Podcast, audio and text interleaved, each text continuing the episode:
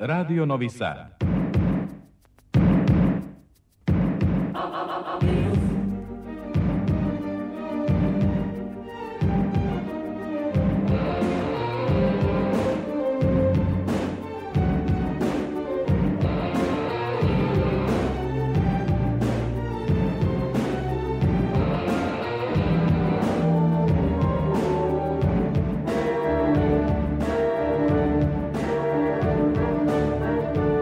Spektar.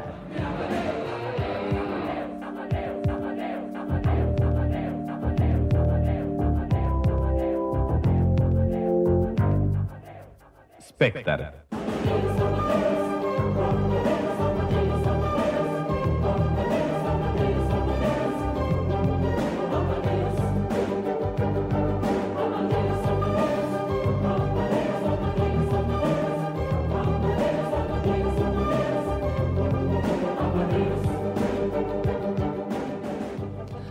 Dragi slušalci, dobroveče.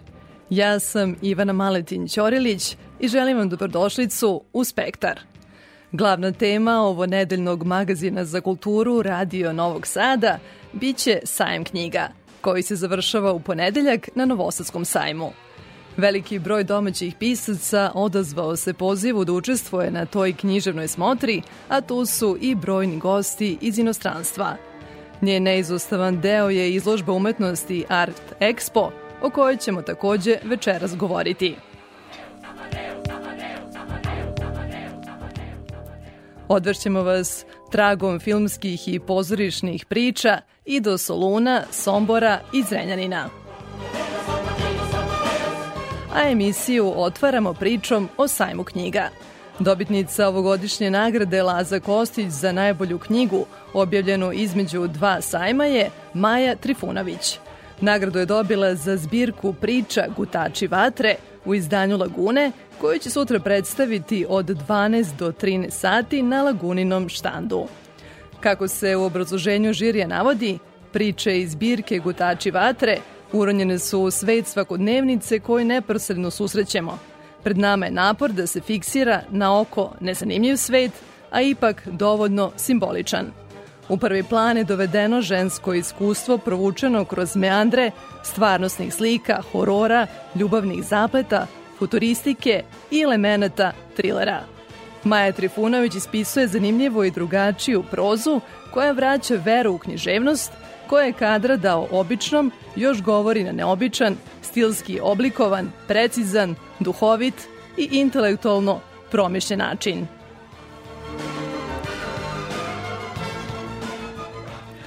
Mnogi izdavači i učesnici sajma i ove godine organizovali su susrete sa piscima i tematske tribine.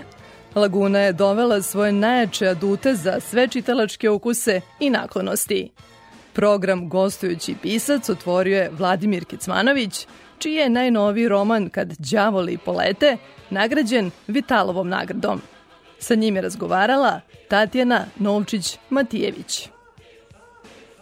Čestitam vam na Vitalovoj nagradi. Hvala. Vlada Gvozden kaže ovim romanom, kad đavoli polete, vratili ste se onom Kecmanoviću snažnom iz romana Top je bio vreo. To može da zvuči kao kompliment, ali može da zvuči i kao negativna ocena. Šta bi sa Kecmanovićem između? Tako je, da. Pa, ono je, što jeste i što stoji, đavoli imaju neku duhovnu konekciju sa topom. Ono što je značajno bilo između, najznačajnije, to je Romano Sama, koji jeste drugačiji. Sada, Gvozden očigledno spada u one koji vole više tu vrstu proze nego ovo kako je sama i to je u redu potpuno. Ja mene samog da pitate ne bi znao da vam kažem šta je bolje od to dvoje, ali jeste različito. Različan je osjećanje koje iz te iz đavola i topa s jedne strane izlazi i iz Osame nije isto. Osama je, mada je po ideji čak nezgodnija knjiga i od Topa i od Đavala. On ima tu jednu dozu melanholije i nečega sentimentalnijeg nego ove knjige koje su da, dosta time, I time ste nas zapravo iznenadili i naš čitaoce. Da, da, da, da, da, iskočili ste da, iz, da. iz onog Kecmanovićevog da, da, da, snažnog da, rukopisa. Da, ali zanimljivo je recimo da šira publika više voli o samu i to što je emotivno. Uprkos tome što je jezik jako komplikovan i težak, to je ovaj knjiga koju, koju ljudi čitaju sa više radosti nego ove koje su brutalne, što je normalno, mislim, to je tako. Da, da mi pa pričamo o najnovijem da, da, romanu, da, pogotovo što prošlo je prilično vremena pod... Eto, od sajma se... knjiga, od sajma knjiga. Da. Ne, hoću reći od prethodnog romana. Od osame, da, jeste, da, jeste. Da, i obsesija je ta politička korektnost koja potpuno već čini sterilnim svet nosi neke uzuse koji prosto potiru život. Vodi ka idiotizaciji potpuno. Ja samo čekam, ja mislim, samo čekam moment, to neće moći dugo da traje, doći će na zapadu, će doći do eksplozije bunta ljudi protiv toga. To je sigurno. Jer ovaj, čujem da je neki dan sam čuo da se da, ima ideja da se zabrane termini mama i tata. A da, roditelj jedan, roditelj dva, da, da, da, da. Znate kako, to udarate ljudima na nešto što im je toliko duboko i bitno da će doći. Mislim, da li na tom primjeru na nekoj sledećoj ludosti će doći do ozbiljnog bunta, to neće moći da potre. Ali vi ste Ali trenutno, i u tome, trenutno da... Trenutno je to nešto što je stvarno da te mere kretenski, da svrbi vas pero da nešto... No, upravo sam da to htela da, da, da pitam. Jest, dakle, to je bila ona in, inicijalna kapisla. Jest a onda zlostavljanje. Zlostavljanje muškaraca, pritom možda jeste in priča o zlostavljanju žena. I yes. složit ćemo se sa pravom. Ovde su zlostavljani muškarci, ovo je priča o, i o homoseksualizmu, što znači da su tlačitelji, odnosno tirani jednako muškarci, kao, da. kao Evo, i reći vam, reći vam jedan, jedan primer koji mi je bio jedan od posticaja za to. Znači, u pitanju sve javne ličnosti nije bitno. Nije bitno ko od njih, imena. Ako optuže muškarca za zlostavljanje žene, jedna javna ličnost neće imenovati, kaže on je kriv i ospe se na njega. Drugog njenog kolegu optuže za zlostavljanje muškarca, ona kaže isto tako bez dokaza, ne znam, ni u jednom drugom slučaju nema dokaza da li je tačno, ona kaže moramo zaštiti ovog čoveka od, od insinuacije. Kako? To je do te mere absurdno da mislim, ja sam da rekao, ja hoću da napišem baš o toga. Činjenica Onda je drugo posle da... kroz pisanje vi dođete da ljudi odete mnogo šire, dobijete neke druge ovaj, i ideje i dobije neke druge Dobro, dimenzije. I, i geografija Tako, se širi, da, da, da, da, meridijani, kulture, yes, sve, yes, sve, sve se umiksa u, u jedno završeno i zatvoreno delo. Jel očekujete, znamo koliko je bilo e, reakcija na top, a mhm. s obzirom na to da je ovo sličan stil, nešto ne primećujem da, da imate javne polemike Istina je i, i kad je o topu bilo reči, vi ste pokrenuli tu, tu polemiku. Nisam pokrenuo, ipak mora neko da napadne da bi se pokrenuo. Ali volite te situacije yes, yes. Ali nije kad slučajno, da, da, ali nije slučajno što sada nema polemike, a onda je bilo nešto je ovo manje tako, iritantno za one iste koji su polemični sa stopom ili njima slično. A dobro, prosto tematski je ne, ipak ne, malo ne, dalje, ne? Ne, ne, promenilo se prvo promenio se svet, pošto se jako brzo menja. Znači, za ovih tih 15 godina koliko je prošlo od topa do ovoga svet jako promenio, pa i kod nas. Prvo, mediji su javni postali mnogo izgubili na značaju, kulturu medijima jako izgubila u značaju. Stvar je prebacena u, na nivo društvenih mreža u sferu gde se svačiji glas ima istu težinu, a to nije slučajno, to je nauko demokratizacija, suštinski to je ubijanje bilo kakvog glasa, jer kad svačiji reč ima istu težinu i kad milion ljudi priča u glas, onda ništa nije važno se kaže i nema ništa težinu. A drugo i ti koji bi napadali su malo ispekli zanat. Prvi put su se opekli jer su time što su napali doprineli zapravo popularnosti knjige i od tada gledaju da izbegavaju ono što je napiše. Pa dakle, i o samo su, samo su takođe pređutali. Da. Moram da vas pitam. Šta je bilo pogrešno u žiriranju za beogradskog pobednika? Razumem zašto ste pokrenuli Nin, uh, da. ni, zbog da. Nina, to je čista ideološka priča. Je, je. Ovde, šta nije bilo u redu sa za razliku da. od recimo Vitala gde jeste o, principi bili da. ovaj, u redu. U Beogradskom pobedniku nisam mogao da pričam o ovoj godini sad, ja sam konkurenciji stavili sam u taj najjuži izbor. E, već prošle godine se pokazalo da je tu dosta mnogo se kalkuliše. Znači, nije u pitanju knjiženi pricir, nego kalkulacija kako ćemo mi najbolje da odgovorimo Ninu. Onda odgovaramo. Čim se ide na kalkulaciju, te stvari nije dobro. A moj dodatni motiv da na to reagujem je taj što ta nagrada mi nismo iz bojkota nju pravili ali ona jeste pod uticajem bojkota napravljena. I onda su nas... I realno tak, takav eho ima u javnosti. Jeste, i proglasili smo s njemnim kumovima što nismo. E sad ako me već proglašavaju kumova nečega s čim se ne slažem, onda sam osetio potrebu za distanciranjem. To je to. Mm. To je to. Inače ne mislim da je Beogradski pobednik ni približno štetan kao ni naravno nije, ali da nije nešto iza čega bi baš stao, ni. Da. Uređujete kulturno-umetnički program u javnom servisu. Da sad potežemo ono, danas mediji, to, to više... Kako balansirate? Zakonski ste obavezni da ja, visoko držite sadržaje kulture, a svesni ste da im je moć sve manja u, i kulturnom prostoru i u ukupnom javnom prostoru. Pa, na RTS-u kulture ne da nema dovoljno, ima je dovoljno, ali nije dovoljno vidljiva, nije stavljena u najbolje termine. Međutim, činjenica da što je s jedne strane olakšavajuća okolnost i za RT i za mene kao glavnog urednika nije dobro. Na drugim televizijama gotovo da je uopšte nema, tako da nije teško biti bolji od drugih. Ali sad u okviru toga, eto, trudim se što je više moguće da bude predstavljeno, da bude predstavljeno sve što vredi i što je relevantno da je urađeno u kulturi bez obzira da li se meni sviđa ili ne. Dakle, ta vrsta ideološke tolerancije postoji. A mora da postoji. Drugi je problem što su prethodni, barem jedan pre mene, favorizovao jednu opciju koja nije meni naklonjena. Ja nisam tu opciju uopšte ugušio, samo sam je sveo na neku razumnu meru, onda naravno predstavnici te opcije se bune da su cenzurisani. Nisu, svima su vrata otvorena, samo ne mogu da budu samo on. I uvek se razgovor sa piscem završi, a šta je sledeće?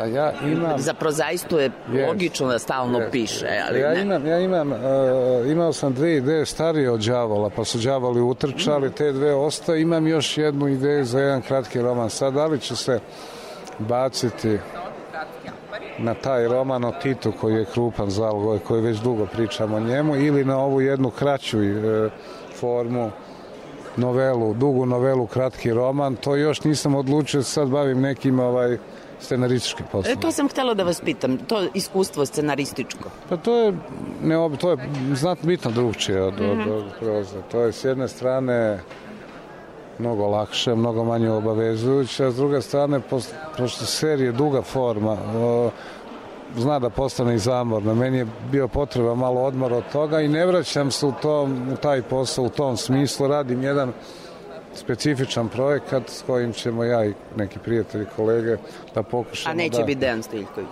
Ili će nije biti... Dejan u priči, nije Dejan. Dobro. S Dejan, e, ima Dejan i ja planira Dejan da uradimo neki kratak roman. Dobro, do, dobar ste tandem yes, yes. A ovo je nešto i u scenariju drugo, da, da, da, i, i, i u... Yes. Uglavnom, nemam u skorije vreme nameru da se vraćam pisanju serija u ovoj -hmm. domaćoj produkciji. Ovo je nešto za inostranstvo što ako uspe bit će dobro, ali daj Bože.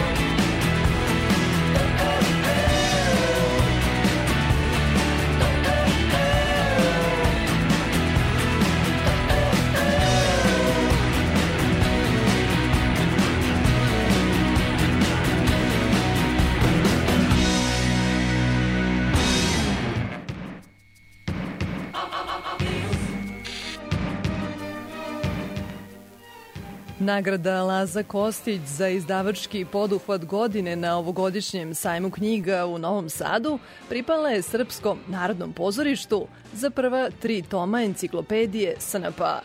Nagradu je u ime našeg najstarijeg teatra primio vršilac dužnosti upravnika Zoran Đerić rad na enciklopediji, budući da ova enciklopedija sa tri toma, ona obuhvata e, period od osnivanja, znači od 861. do 1975.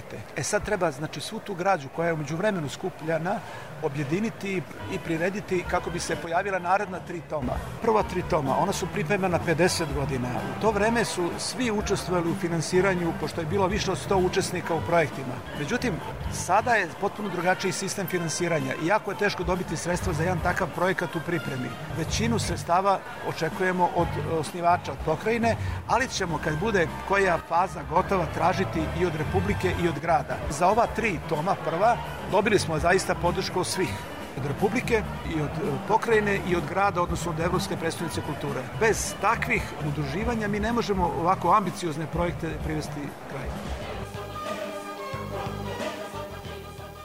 Na sajmu knjiga predstavljeno je kapitalno izdanje izabrana dela Zenitista u osam knjiga. Objavio ih je Kulturni centar Vojvodine Miloš Crnjanski u saizdavaštvu sa Banatskim kulturnim centrom. Trojni urednički tim pripremio je knjige Radovan Vlahović, Miloš Jocić i Simon Grabovac, sa kojim je razgovarala Tatjana Novčić-Matijević. Izabrana dela Zenitista mogla bi se svrstati u određeni izdavački poduhvat. Samom činjenicom da je u osam knjiga, da o zenitizmu sve što imamo, imamo arhivirano. A ovo su sada knjige koje su tu pred čitaocima i pred istraživačima. Pa da, to je jedna ambicija koja je trajala dosta dugo, koja je konačno uspela da se realizuje. Znači, izabrana dela zenitista u osam knjiga, tu su neke knjige koje, koje do sad nisu uopšte objavljivane, tako da u tom smislu to predstavlja i po vizualnoj osnovi, a i po samom broju sigurno jedan od značajnijih e, izdavačkih poduhvata u ovoj godini.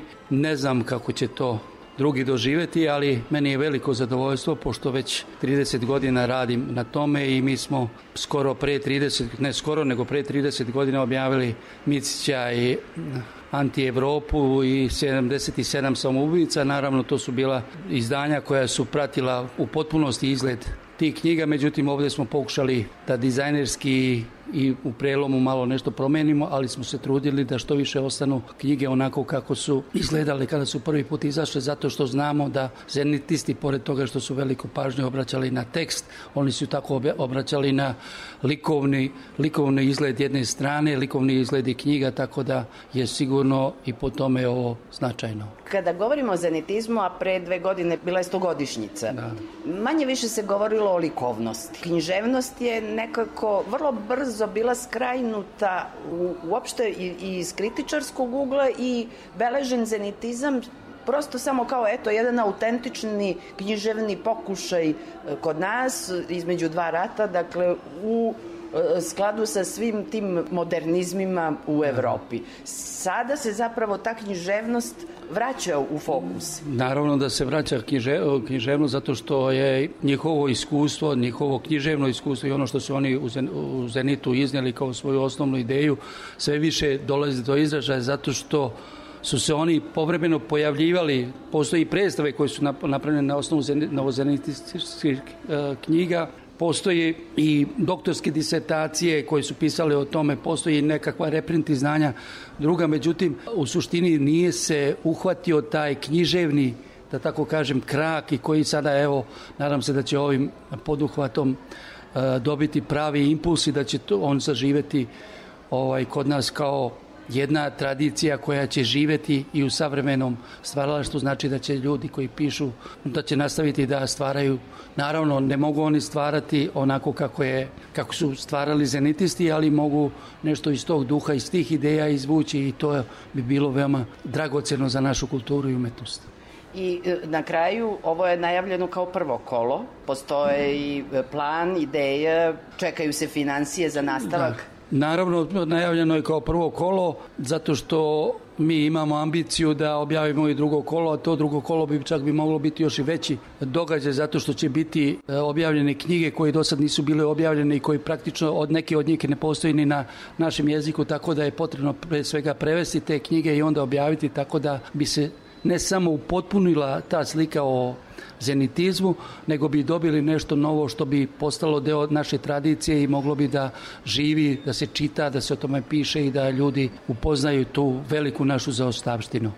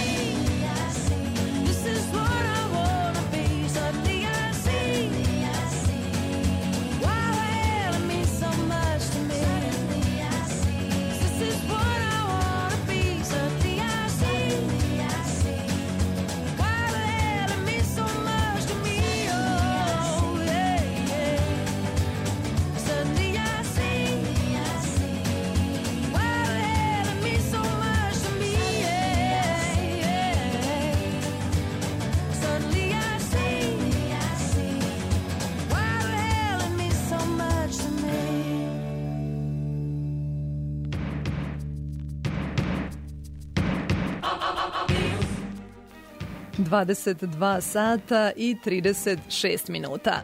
U Spektru, magazinu za kulturu Radio Novog Sada, nastavljamo priču o Novosadskom sajmu knjiga. Mario Liguori pisac je napoljskih tema na srpskom jeziku. U očekivanju desete knjige sa njim je razgovarala Tatjana Novčić-Matijević. Od Italijana u Novom Sadu Evo, postali ste pisac na jeziku koji vam nije maternji, to je za svaku pohvalu i poštovanje. Hvala, pa to je nužna evolucija. Moram da doživim tu evoluciju, ako ne, ostaću na starim pozicijama i to nije dobro. Ne, zapravo je fino to što vi taj vaš poriv da razvijate srpski jezik intenzivno negujete u, u knjigama, da se prekrije naziv autora i da se čita tekst, niko ne bi pomislio da je reč o piscu Da, kojemu da. srpski nije maternji. Mislim da je to važno za, za književnost, za umetnost. Da, a pritom a, treba izbjegavati te jezičke navike koje su ustaljene, koje su prisutne i koje meni smetaju. Ja pokušavam da ne govorim onim jezikom koji čujem od drugi, nego da stvorim svoj jezik. I da negujem još nešto, a to je kako da kažem, kultura govora. Jer smatram da pisac mora da ima i neku kulturu govora, on ne treba samo da piše, E, on ne treba da mudruje, on je napisao te knjige koje je napisao i sad može nešto da doda. Ali pisac treba i da pazi kako te izražava i da bira reči, jer on ima posla sa jezikom. I e, zaista ne razumem e, ponekad neke rečenice koje čujem negde drugde, zato što smatram da e, pisac ima važan zadatak. On, kao što sam rekao, mora da neguje taj jezik. Lepu književnost i kulturu e, govora. E, e, da, tu smo, to, to sad lingvista iz vas govori, ali onaj koji stvara umetnost pomoću tog je, koristeći taj jezik, on negde ima neke svetove koje drži u sebi i koje ima potrebu da ispiše. Jesu li ti svetovi još tamo u onom sunčanom Napolju, ili to napolitanac još živi, ili je Mario Liguori i definitivno kulturološki postao stanovnik ove kulture, ovih prostora, gde se sudaraju Srednja Mm. Evropa i Balkan, dakle sa tek, tek malim dodirima sa Mediteranom, a čini mi se sa napolitanskim Mm. podnebljem uopšte. Ne, ja sam italijan od glave do pete, to nije nešto o čemu možemo da razgovaramo. Zato što ne mogu da negiram e, svoje poreklo, a ne mogu da negiram ni svoje teme, zato što vidite, teme mojih knjiga nisu srpske teme. Objektivno, vi kod mene nemate ratni roman, vi kod mene nemate te problematike, te tematike koje imate kod srpskih pisaca. Dakle, ja sam autor koji stvara na srpskom jeziku, ali sve su teme te moje, zavičajne, italijanske, uglavnom. E sad, ne bih rekao da sam, da sam postao srbin ili pripadnik ove kulture na taj način. Vi da biste nešto posmatrali, morate ostati ono što jeste. Ako sam zaljubljen u neku divnu ženu, onda ja ne mogu biti ta žena. Ja treba da budem Mario koji posmatra tu ženu. Autentičnost, Da, naravno, možda pre zvuči svega. banalno, no to je važno. Da. Kad je ljubav bila banalna? Da, nije, nije, to je važno. Mislim, os, osim ako se banalno ne piše o njoj. I dakle, čekamo sada vašu desetu knjigu. Jeste, jubilarno, da, da. To će biti roman i to će biti u Laguni. Okušali ste se i u pričama, i o putopisu, i u romanu, poezija. I u naučnom radu. Naučni rad. Da, moja to je- proza je uvek bila poetska. To su rekli neki važni predstavnici novosadske i srpske književne kritike. Recimo, Gorana Rajičević mi je to otvoreno rekla. E, kaže, Mario, ti si u stvari pesnik.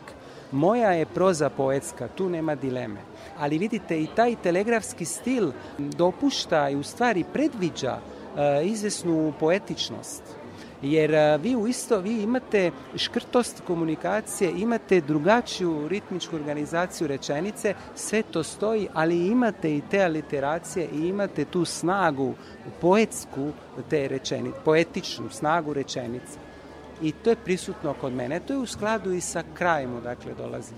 Zato što su u našem kraju veliki autori pesama, zato što se u našem kraju, kad se afirmiše roman, onda se afirmiše kratak roman, E, nama nedostaje Tolstoj, znate, mi nemamo takve autore ali imamo izvanredne autore kratkih romana, izvanrednih pripovedača, autora kratkih priča i ja sam onako čovek iz tog kraja, ja sam sin sunca, dete sunca, kao što kaže Crnjanski, i dete sunca koji, koji, koji, koji stvara te uh, književne oblike koji se afirmišu u tom kraju. Hvala vama najlepše i radujemo se desete knjizi. Hvala.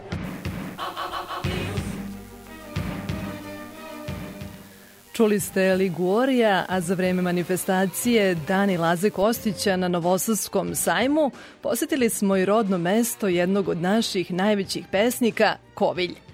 Krajem prošle godine tamo je otvorena poslednja u nizu kulturnih stanica u sklopu projekta Novi Sad, Evropska prestonica kulture. Prve mesece rada obeležile su predstave, izložbe i radionice – Blizina Lazine kuće, koja se nalazi preko puta kulturne stanice Kovilj, odredila je donekle i njen programski koncept, kaže koordinatorka Ružica Radović. Ja verujem da je mnogo, da je mnogo odredio i verujem da će tek da odredi. E, u decembru je otvorena kulturna stanica osma po redu ovde kod nas u Kovilju i kao što kažete da je preko puta kuća Laze Kostića, za sada nažalost kuća nije otvorena za posetioce da mogu da pogledaju, da uđu, ali u nekom budućem periodu nadam se da ćemo e, svi akteri svim našim snagama da, da, da, da je osposobimo i otvorimo i za posetioce i za našu decu kako bi ime Laze Kostića ostalo zauvek zapamćeno. Sad već od proleća e, u najavi su nam jako, jako mnogo e, kulturnih dešavanja, e, bioskop na otvorenom preko leta, a ono što je jako važno da napomenem i naglasim je da je sav sadržaj za decu, za meštane, besplatan. Tako i škola tambure, tako i e, ove izložbe, e, tako i pozorišne predstave koje su bile i sve ono što mi radimo je na korist svima, a besplatno.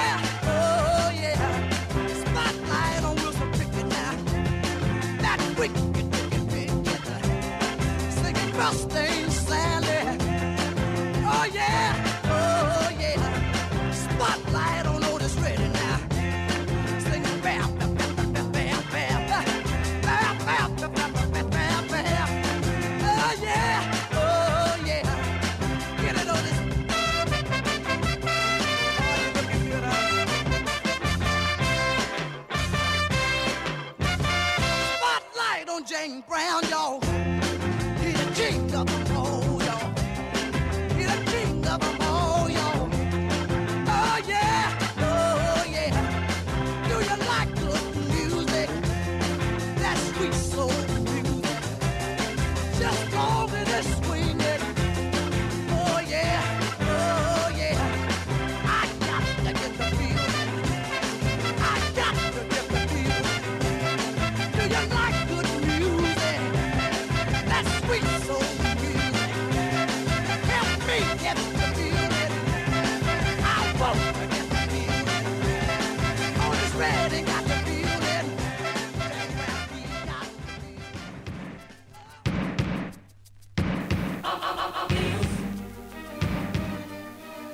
Nagrada Sava Šumanović za savremenu likovnu umetnost dodeljena je danas na Novosadskom sajmu Art Expo multimedijalnoj umetnici Katalin Ladik. Malo toga o njoj poslednjih godina nije rečeno, možda samo ono što ni sama u svojim autobiografskim beleškama, nazvanim Mogu li da živim na tvom licu, nije rekla. Bila je u fokusu prošle godine u programima Evropske prestonice kulture, a nedavno je priredila i dve evropske postavke. U Budimpešti na izložbi Umetnost bez granice i u Minhenu u Haus der Kunst na velikoj retrospektivi. Sa Katalin Ladik je povodom priznanja razgovarala Aleksandra Rajić. Kakva je bila taj izložba u Minhenu i šta ste predstavili, pošto je to nešto najnovije što ste radili? Pa, u Minhenu sam imala zapravo retrospektivnu izložbu, to znači da je ta izložba bila na neki način moja biografija. Mislim, 60 godina mog umetničkog stvaralaštva. To podrazumiva i to da je književnost bila prisutna, znači neke moje knjige, pa dalje, onda i vizuelni radovi i fo, zvučni, fonični radovi, pošto sam vrlo rano, dobro malo kasnije, ali e, sam počela da radim, da se bavim i vizuelnim i, i e, foničnom poezijom. E, klasične, takozvane pesme za čitanje sam počela 62. godine i sve do danas pišem poeziju, pa čak i roman. A viz, vizuelno i foničnu poeziju sam počela malo kasnije. Znači, od uh, kraja 60. godina, ali najintenzivnije sam radila 70, zapravo od 70. radim najintenzivnije, kao posebno i vizuelne radove, kolaže, pa, pa i druge radove, uglavnom multimedijalne radove koje to znači da sam svoje performanse koje sam počela raditi 70. godine, već sam u tim performansima sam već koristila i prikazivala te ra vizuelne radove i fonične radove, e, što znači da sam e, već ili izlagala u toku performansa svoje te kolaže koje sam otpevavala kao muzičke partiture sam ih koristila ili sam ih već kao performansima, živ, živi performans sa kojih imam i fotodokumentaciju i vizualnu dokumentaciju. Tako da je ta, taj performans koji je bio multimedijalan od 70. godina e, već sadržavao sve te moje, e, sva ta moja istraživanja u medijima. Ja to uvek zovem da su to poetski performansi bili jer ja sebe smatram prvenstveno pesnikinjom koja pokušava da proširuje granice poezije. Tako da je rezultat e, tog, te velike retrospektivne izložbe u Minhenu e, rezultat e, pesnikinje Katile Ladik koja je u tim mnogim medijima ipak pokazala svoju golu poetsku dušu. E, kažete, e, u ovoj svojoj knjizi, koja je zapravo jedna romaneskna životna priča, mogu li da živim na tvom licu, svaki odlazak jedno je novo prispeće. Pretpostavljam da je i obratno, svaki povratak ima kartu za nazad. Na kojim ste zapravo sad relacijama? Pa mogu reći da ja uvek radim skoro iste stvari. E, crpim iz svojih korena, a koren mi je u Novom Sadu. Znači imam tri lokacije već. Novi Sad, kao stalna lokacija i stalni izvor inspiracije. Zatim imam more i imam tu srednju evropsku, neku urbanu e, sredinu kojoj pripada i deo Novog Sada, pa Budimpešta i drugih gradova. Znači, to je moja teritorija inspiracije u horizontalnom smislu, znači geografskom horizontalnom smislu, ali i u vertikalnom smislu, u dubini. Znači ja ispitujem svoje korene koji se eto prosežu čak do mora, do Jadranskog mora, pa onda u Srednju Evropu i u Balkan. E, ti koreni su za mene inspiracija i nikad ne napuštam izvor, bez obzira koliko se koliko visoko letim, tako reći, simbolično, ali taj let, e, zapravo energiju za taj let e, dobijam iz svojih korena. Bez, bez, bez korena, kulturnih i etničkih korena, mislim da čovek ne može daleko i visoko da odleti. Da, Novi Sad je zapravo taj neki prostor svih vaših životnih talasanja. Ovih poslednjih godina vas intenzivno slave u Novom Sadu i tu su i knjige i književne večeri e, i evo i nagrade kao ova nagrada Sava Šumanović. S kakvim osjećanjem se vraćate u Novi Sad da primite ovu nagradu? Pa to je više nego što sam ikada mogla zamisliti e, da ću ja biti toliko priznata i slavna umetnica i nikada nisam verovala da ću ako i budem, da ću ja to doživeti. Jer imam, evo, tu sreću, ili kako da kažem, kruniša moj život, ta sreća što sam doživela to, da sam, da sam priznata i da sam čak i slavljena.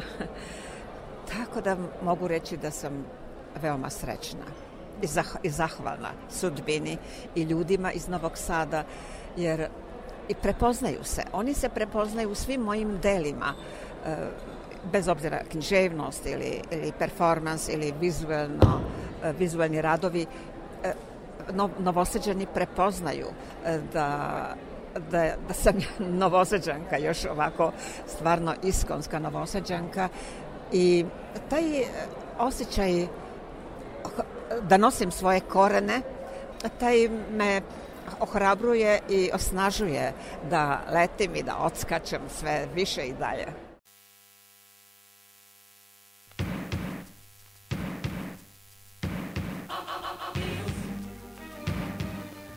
A 25. godišnjica nagrade Sava Šumanović obeležena je izložbom radova svih dosadašnjih laureata u holu Master centra, među kojima su najznačajnije imena naše savremene umetnosti.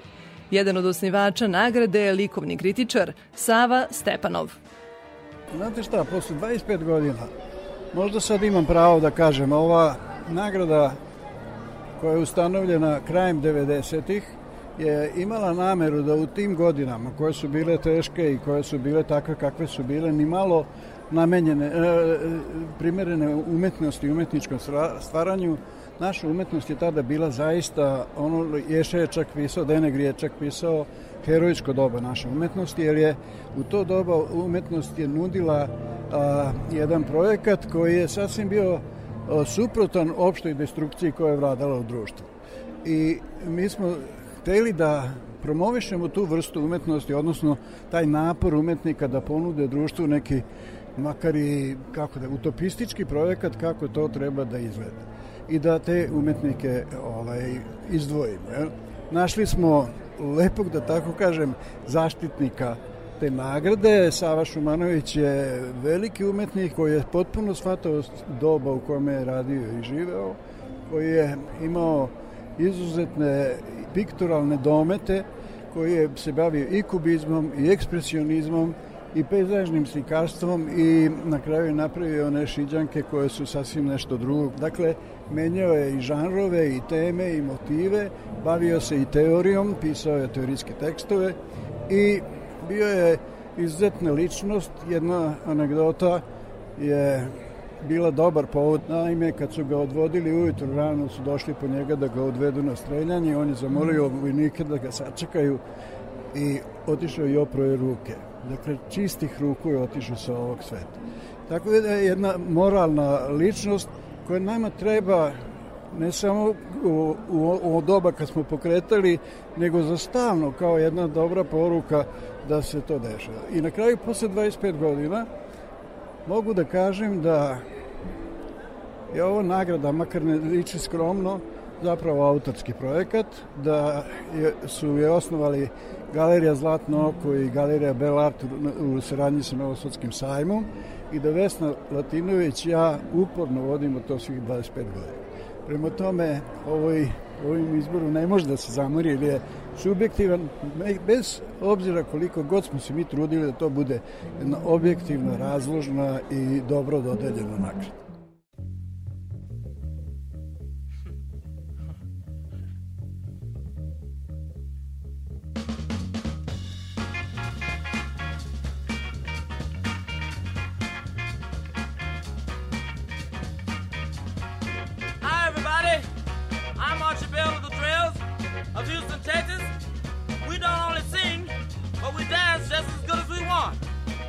In Houston, we just started a new dance called the Tighten Up. This is the music we tighten up with?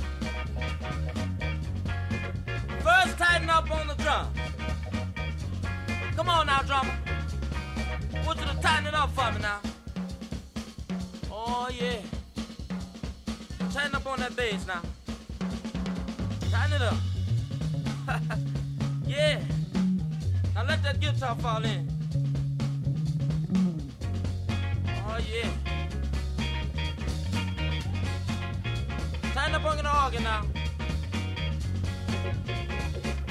Yeah, you do the tighten up. Yeah, now. I said if you can do it now, you sure will be tough. Now look here. Come on now. Now make it mellow.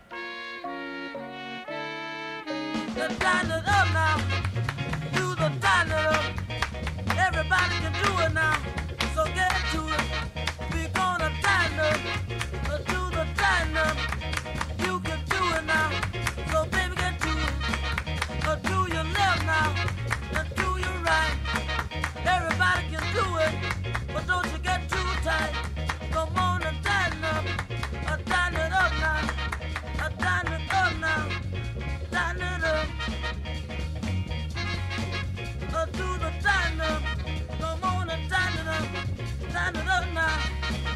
Come on Billy. Tighten it up. Oh, yeah. Sock it to me now. Tighten it up. Come on. Tighten up that bass. Oh, yeah. Now look here. I want that guitar to fall in on that. Tighten it up now. Oh, yeah. Now tighten it up, Augie. Yeah, now everybody tighten it up now. Now look here.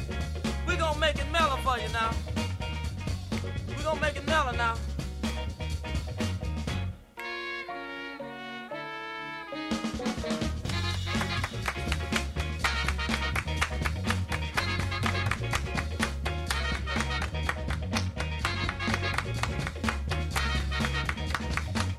Up.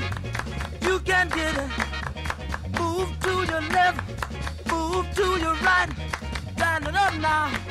Everything will be out of sight. On and tighten it up. Tighten it up now.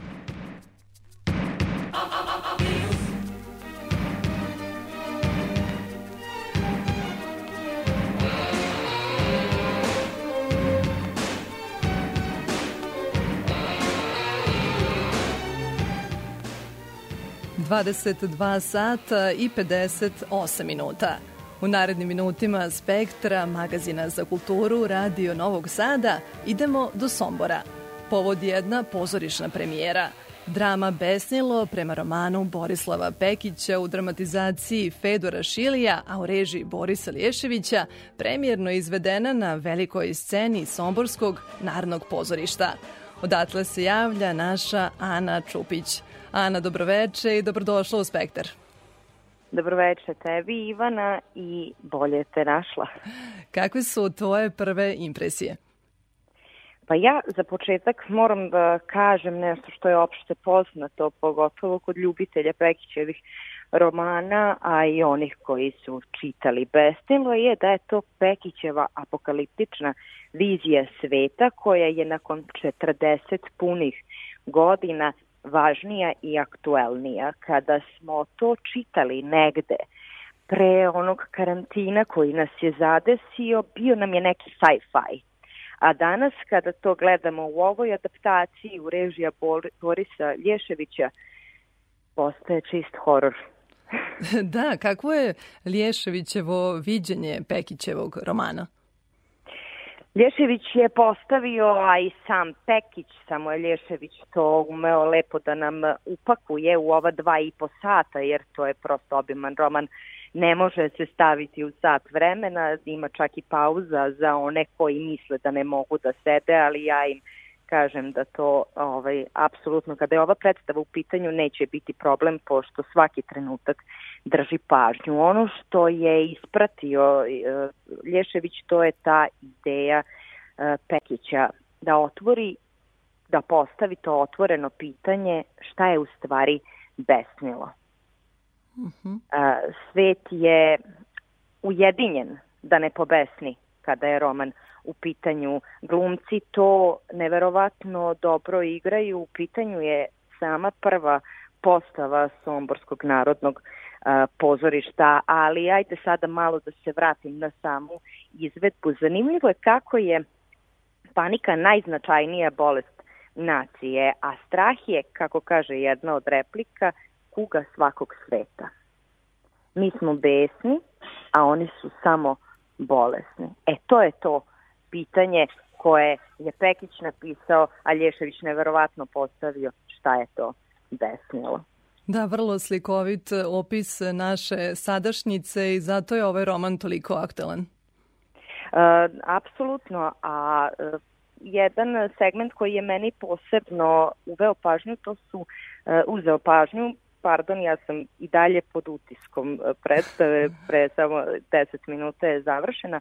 Lješević je vrlo lepo prikazao uh, smrt songovima koji podsjećaju na uspavanke. Nigde je skoro nemamo eksplicitno prikazanu, a smrt je glavna okolnost u predstavi i samom uh, romanu.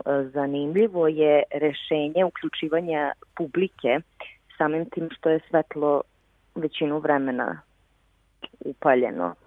Jel, a A to i sala ovo, Narodnog pozorišta i dopušta, koja je i sama po sebi intimna. Tako je, da. E, prosto taj mali broj mesta u parteru i sve je tako, ovaj, svi su toliko blizu da osjećaju toplotu tela jedne, jedne drugih. Ja bih samo još dodala jednu stvar, pošto ovaj, ćemo o ovoj predstavi tekako još pričati i gledati je, a to je da je verovatno uvek istinito, a istinito nikad nije verovatno. Pa evo od mene jedno, jedna mala zagonetka za naše slušalce. Lepa poruka za kraj javljanja. Hvala ti na ovom uključenju. Ostavljamo te da sabereš utiske. Čuli ste Anu Čupić, a u Narodnom pozorištu Toša Jovanović u Zrenjaninu predstavljena je selekcija 72. festivala profesionalnih pozorišta Vojvodine. Zrenjaninski teatar je peti put za redom domaćin najstarijeg našeg pozorišnog festivala koji će ove godine biti priređen od 18. do 25. aprila. Selektorka dramaturškinja Aleksandra Glovacki odabrala je za takmičarski program 10 predstava, šest u večernjem programu i četiri za decu i saopštava ih u razgovoru sa Aleksandrom Rajić. Selekcija ovogodišnjeg festivala profesionalnih pozorišta Vojvodine Mefisto po romanu Klausa Mana u dramatizaciji režija Harisa Pašovića, to je koprodukcija Srpskog narodnog pozorišta i fondacije Novi Sad, Evropska predstavnica kulture. E, druga predstava je Što na podu spavaš Darka Cvjetića u režiji Kokana Mladenovića, Srpsko narodno pozorište, Dramsko kazalište Gavela, Narodno pozorište Sarajevo i Festival Mesu, svi učesnici te predstave. E, Nevidljiva deca Ane Terek u režiji Roberta Lenarda, e, to je predstava Ujvideki Sinhaza i jedna od dve koje su savremeni tekst. E, Don Juan, Molijerov naravno, u režiji Andreja Cvetanovskog u Narodnom pozorištu Sterija u Vršcu, Čehovljev Galeb, režije Mila Nešković, e, to je predstava pozorišta, Narodnog pozorišta Sombor i pozorište Domaćin će igrati na ovom festivalu Ludi kamen, to je predstava po jednočinkama prosidbe i medved Antona Pavlovića Čehova u režiji Radoslava Milenkovića. E, posebno sam radosna zbog selekcije programa pozorišta za decu, zato što dolaze četiri veoma različite i veoma dobre predstave. Ne idi daleko, tekst i režija Tamara Kučinović, e, to je predstava Dečeg pozorišta iz Subotice scena na srpskom jeziku. Pradevojčica je po romanu Desanke Maksimović e, lutkarska scena Narodnog pozorišta Toša Jovanović režirala je Sonja Petrović. E, sa scene na mađarskom jeziku dečeg pozorišta Subotica dolazi jedna preslatka, premaštovita predstava, zove se Luda Šmati ili Guskar Matija, rađena po narodnoj priči, preduhovita, režija Đerđ Hernjak i iz, iz Bačkog Petrovca nam dolazi Slovačko-Vojvođansko pozorište sa pričom iz Nedođije o Petrovima, panovima i kapetanama, kapetanima kukama. Dakle, predstava koja iz savremenog vremena govori deci šta su dobre strane odrastanja, a šta nisu dobre strane odrastanja. Opšta slika, pa opšta slika je da je ova zaista kako ja kažem, ne mogu da prenebregnem ni u ovom času da to kažem, ova zaista e, jeziva materijalna situacija u kojoj se nalaze vojvođanska pozorišta dovodi do toga da ili se postavljaju e, populistički naslovi, lagani komadi, ili se pribegava e, klasičnim naslovima, tako da se ovaj festival zamalo pretvorio u festival klasike ovaj, vršački, jer e, najbolje korespondiraju sa vremenom današnjim i sa nekim našim problemima i dilemama upravo ta neka nova čitanja, a jako su dobro, vidjet ćete u, u svim ovim predstavama koje sam navela, dakle četiri su po klasičnom tekstu rađene, po klasičnom naslovu i jako govore o našem vremenu, ali tu apsolutno spada i taj novi savremeni tekst u Ivide Kisinha za nevidljiva deca, to je tekst koji vas na kraju tako udari u glavu jednim problemom za koji niko od nas maltene ne zna da postoji, ali doćete pa vidite nisam toliko pratila dečje pozorište ove godine, ali čini mi se da je reč o originalnim predstavama za decu, dakle ne onim kupljenim, onim franšizama, nego onima što su zaista pozorište stvorila, što je isto jako velika stvar. Apsolutno, ja sam zato strašno srećna zbog ove selekcije, pogotovo s obzirom na to što prošle godine su učestvovali samo dve predstave za decu i e, vrlo su ozbiljne, e, na, svaka na svoj način, ali ima jedna ozbiljna priča o ratu na kome su i mame i tate plakale, a jeste prilagođena dakle, apsolutno, malo, istina, malo starije, ne one sasvim maloj deci, e, to je o posledicama rata po porodicu i to je predstava onako kažem za malo veću decu, ali boga mi i za mame i za tate. Ovaj Petar Pan je, kao što rekoh, isto vrlo govori o, o našem vremenu. Guskar Matija je presladak veseo, to je onako gled, i, i bojom i muzikom i skakutanjem i tom igrom e, tih glumaca, to je ono stvarno da vam se srce ovaj, raželi, a Pradevojčica govori o početcima civilizacije, o početcima čovečanstva i zapravo potrazi za jezikom i za rečima, ali vizualno izuzetno zanimljivo. To je lutkarska scena, ali strašno vizualno uh, lepa predstava, uh, kako kažem, uzbudljiva. Hvala.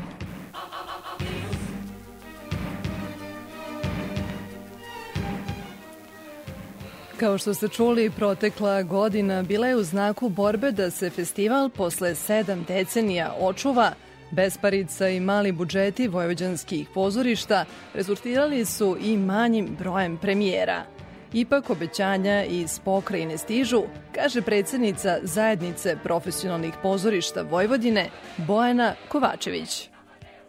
Pa razmišljamo trenutno o ovom sad narednom festivalu i šta operativno možemo da uradimo da ovaj sada bude najbolji mogući ovaj, u prosto tim okolnostima u kojima on jeste. Mi čekamo i Ministarstvo kulture i pokrajinske sekretarije da završe konkurse, da objave rezultate i mi praktično tek posle festivala vidimo u, u, u, s kojim mi zapravo sredstvima raspolažemo i tu bih se zapravo zahvalila i selektorki i žiriju festivala koji pristaju da, da rade taj posao za nas i zajedno zapravo da, da brinemo i čuvamo taj festival iako ne znaju koliko će biti za to plaćeni, koje, koje, koje će honorare da imaju ali mislim zajednica u tome funkcioniše, ajde sad ja sam na ovom mestu poslednje dve, tri godine recimo, ali decenijama unazad je zajednica u tom problemu i, i, i, i konstantno se kaska. Uh, ja bih samo volela da zaista sve ono što smo pričali sa gospodinom Mirovićem i sa gospođom Milošević ovaj, uh, zaista i bude tako da negde prosto pokrajina više malo obrati pažnju i da nam pomognu da zajedno nađemo mehanizam kako će ovaj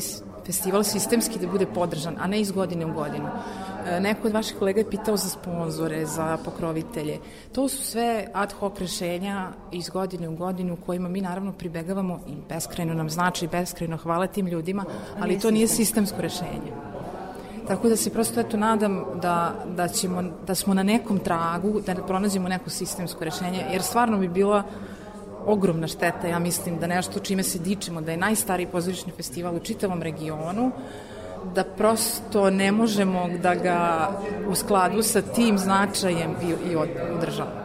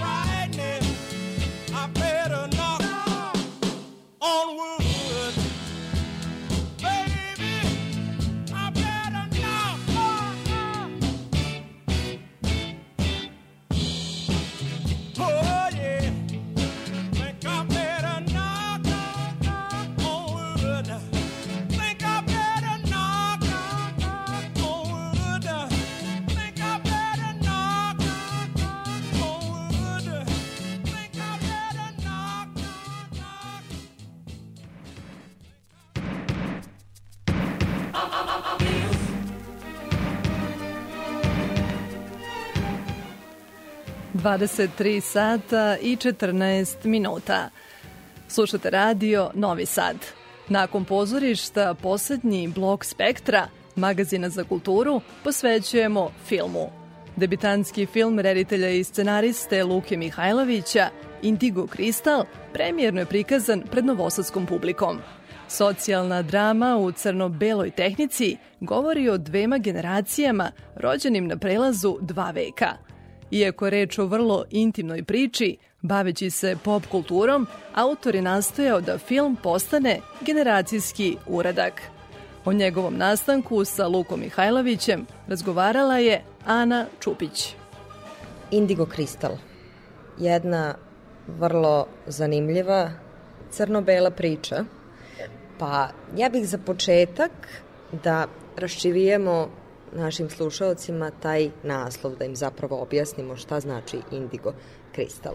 To su zapravo termini iz jedne parapsihološke teorije o indigo deci i kristalnoj deci. To su neki evolutivni stepeni u razvoju ljudskog čovečanstva, gde recimo imamo indigo generacije od 50. pa nadalje na svakih 10 godina, alfa generacije od recimo neke 58. do 68. beta generaciju i tako dalje. Ovo nam je četvrta generacija između 88. i 98. godišta, dok je kristalna generacija neki novi stepen evolutivnog razvoja, gde su oni to generacija od 98. do 2008. godišta što su nama zapravo samo simboli za dve generacije koje su rođene e, u našoj državi, jedna predratna generacija i druga postratna generacija. Znači, suštinski to je film o deci 90 da nastavimo gde smo stali, crno-bela fotografija. Nešto što nam daje fokus na samu priču i, i na, samu, na samu radnju. Da li vam je to i bila namera kada ste birali tu tehniku? Pa da, ovde zapravo glavno izražajno sredstvo su, pored naravno crno-bele estetike koja je kao takva definic, stilska definicija ovog filma, ali a, glavni postupak su odnosi među likovima. I onda samo prikazati likove i njihove odnose mnogo lakše u crno-beloj tehnici, pritom portreti likova u crno-beloj tehnici vam daju suštinu. Samim tim taj dokumentaristički pristup, ta sirovost fotografije izgleda je nešto što smo mi gađali da bi prikazali taj svet što verodostojnije moguće radnja nam je svima vrlo poznata. Ona se ne dešava samo u Šapcu gde ste vi smestili, nego se dešava svuda, čak i u Beogradu i u Novom Sadu i mislim ne mora uopšte da bude manji grad u pitanju. Tamo su poznatiji uglavnom svima. Ali zašto ste se odlučili da se, da se bavite time? Recimo pričom u Šapcu i kada ste odlučili da se time A, bavite? To je od starta bila ova ideja i zamisla da snimam u svom rodnom gradu, pošto sam planirao svakako za diplomski film da snimam dugi metar, a mislio sam da u svom ovaj, rodnom gradu mogu da za mnogo manje pare da, da snimim dugi metar nego recimo u Beogradu. A i samim tim u scenariju ovaj, sva ta mesta sam znao, svaki ćošak, svaki pedalj grada, tako da je to nešto što mi je bilo lako da, da, da pišem i da smestim taj svet u nešto što već poznajem. A samim tim imamo i taj moment decentralizacije malo kinematografije, jer ne, ne dešava se sve u Beogradu, ne dešava se sve u velikim gradovima i mislim da priče treba smeštati u, to su sve isti miljeji, to su iste sredine. Ovo, recimo ova priča koja se dešava u Šapcu može da se dešava na nivou jednog naselja u Beogradu. Znači može da se dešava na Voždovcu ili na Čukarici ili gde god već, kao što isto tako može da se dešava i u Brazilu. Ovo je jedna univerzalna priča koja će da razume svaki čovjek koji je živeo nekad u tim uslovima. Ono što je meni najviše uzelo pažnju su te scene u ogledalu Denisa i Miodraga, odnosno Zizija i Vuka.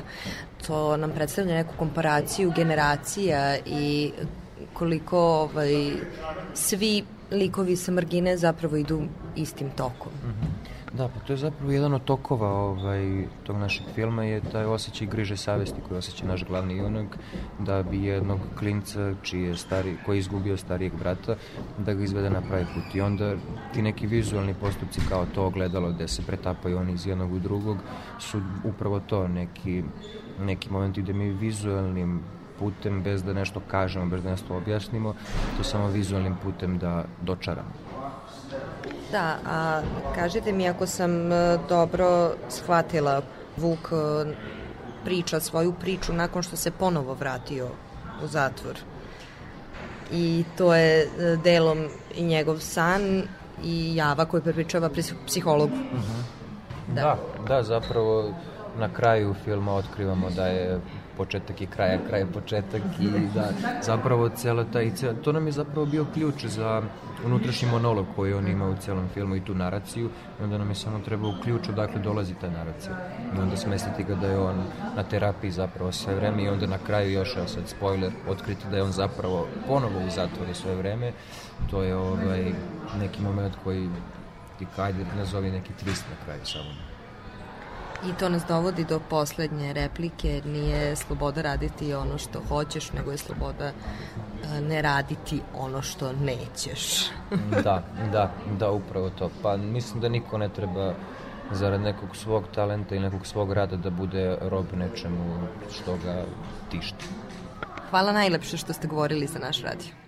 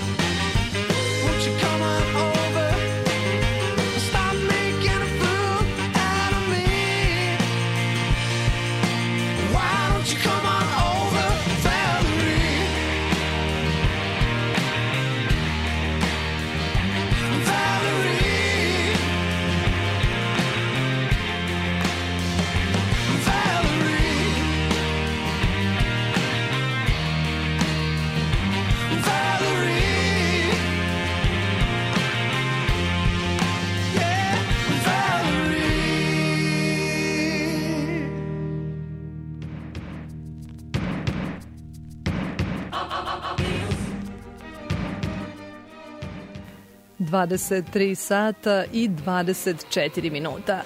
Spektar završavamo još jednom zanimljivom filmskom pričom zabeleženoj u Grčkoj. 25. festival dokumentarnog filma u Solunu završava se u nedelju. Ovogodišnje izdanje protiče u senci protesta na ulicama grčkih gradova zbog nedavne železničke tragedije u blizini Larise u kojoj je poginulo 57 osoba. O selekciji, ali i atmosferi koja ovih dana vlada u Grčkoj, sa filmskom kritičarkom Dubravkom Lakić razgovarao je Goran Vukčević. 25. e, festival dokumentarnog filma u Solunu, Dubravka Lakić, već doajen solunskih festivala. Ja sam odmah posle. Ta, e, e, tačno, ja zaista dolazim dugo, zapravo na festival dokumentarnog filma dolazim od samog početka. To je znači, mlađi od osnivanja, festival manji, e, mlađi festival, kada je Dimitrije Pides, e, blagopočivši, nažalost... Legendarni selektor. Jeste, legendarni selektor, osnovao ovaj festival, jer je dobro procenio da za to stvarno ima potrebe, ali ne samo potrebe, nego ima i publike, jer solunska publika je uvek bila e, nekako posvećena filmu, prednost ovog grada je i što je ovo univerzitetski grad.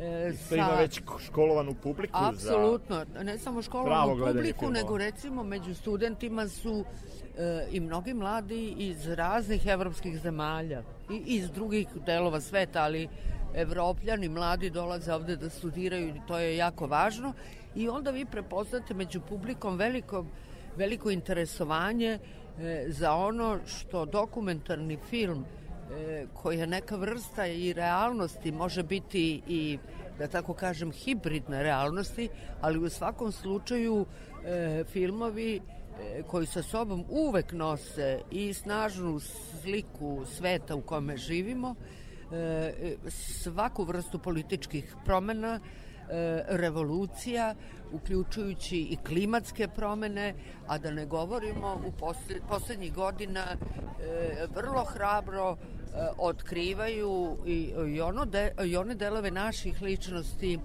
e, koje do skora e, nismo baš želeli da pokažemo. Govorimo o LGBT populaciji e, i o filmovima I o mnogim zabranjenim temama. temama do, ko- koje su do juče bile, da tako kažem, e, zabranjene ili nepoželjne, a sada se o tome veoma otvoreno e, govori i pokazuje e, što nije loše da malo svi upoznamo i, i, i, i tu vrstu naših, da tako kažem, prijatelja ili ljudi među kojima mi živimo ili oni žive među nama, svejedno. E, ove godine, nažalost, Solunski festival prolazi U senci ove tragedije, Tako da. je, u senci tragedije i to je jako žalosno i jako teško. E, naravno da to nije, da tako kažem, skrenulo pažnju sa samih e, e, filmova. Ali su Znači, otkazane mnoge prateće manifestacije. Pa jeste, zato što je to sasvim i logično. E, Grčka je u žalosti i svako ko je ovde to naravno na pravi način i osjeća i suosjeća sa... Jer žrtve saobraćene železničke nesreće su uglavnom studenti Solunskog e, Apsolutno. Aristotelovog univerziteta. univerziteta i to je to je velika velika tragedija i, te posledice toga će se tek sagledati u budućnosti. Ono što je bitno e, da je međunarodna znači glavni taj takmičarski program dugometražnih e, dokumentarnih filmova e, sasvim e, opravdao e, renome e, i ovog 25. izdanja Solunskog festivala. To su, E, tu su i filmovi koji su već zapaženi na nekim festivalima Pa dobro, to je uvek, to je uvek, tu je tu Amsterdamska i ITFA, tu je Acid, e, Kanski i tako dalje. Ne, e, nije to toliko ni važno, negde selektor mora da pogleda prvo filmove da bi mogao i da ih odabere, tako da to... Vrlo su raznovrsni, to su različiti dokumentarni tematski, filmovi. tematski su uh, raznorodni, uh, raznorodni što bi se reklo, a s druge strane ono što je zanimljivo e, e, jeste što vi tačno vidite i produkcijski, produkcijsku različitost u smislu da ima filmova u koje, u koje je uloženo e, zaista mnogo. Ne bih ja nikad rekla da je to mnogo sredstava, nego mnogo talenta, a podržano od više zemalja kao neka vrsta koprodukcije. Među najlepšim filmovima koje sam ove godine videla do sada e, jeste e, film e, Mighty Afira, to je moćna Afira, priča Čudesan je na film ili ču, da, devojci u poplavama. e, u Bangladešu Brahmaputra reka koja plavi svake godine u, u tom najsiromašnijem, nažalost, delu Bangladeša, kompletna sela e, i, i tu devojčicu koju je autor, koji je inače Grk, što je fascinantno i s kakvom je on estetskom poetikom uradio ta jedna, Potpuno nešto jednu- drugačije od svega što smo videli. tešku priču, životnu, o siročetu, o devojčici bez oca i majke koja preživljava u Ko se takvim bori us- svaki dan sa tom uslovima. Eto, pošto sigurna sam da i ti imaš još toga da dodaš, ovaj, ja te sada ovim putem pozdravljam. Hvala mnogo Dubravka, zaista ovaj, e, mi je drago što potpuno podržavam sve što si rekla. E, samo da kažem, znači filmovi su zaista potpuno raznovrsni od, od intimnih priča do ozbiljnih svetskih problema, sve, e, sve se obrađuje i sve nekako festival zahvati u zaista mnogo naslova i samo da kažem e, da je zatvaranje festivala u nedelju 12. marta sa svečanom dodelom nagrada. E, uživaj i dalje u festivalu, naravno imaš i svoje profesionalne obaveze. Ovo je bila Dubravka Lakić za Spektar.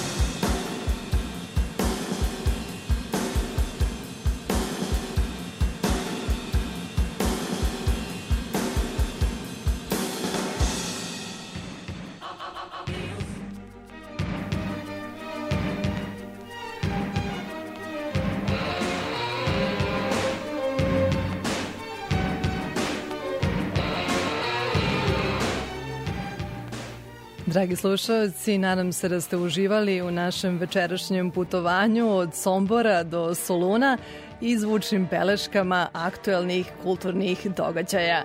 Sa vama smo i narednog petka od 22 sata i 12 minuta. Ja sam Ivana Maletin Ćorilić i u ime ekipe koja je realizovala emisiju želim vam prijetan vikend.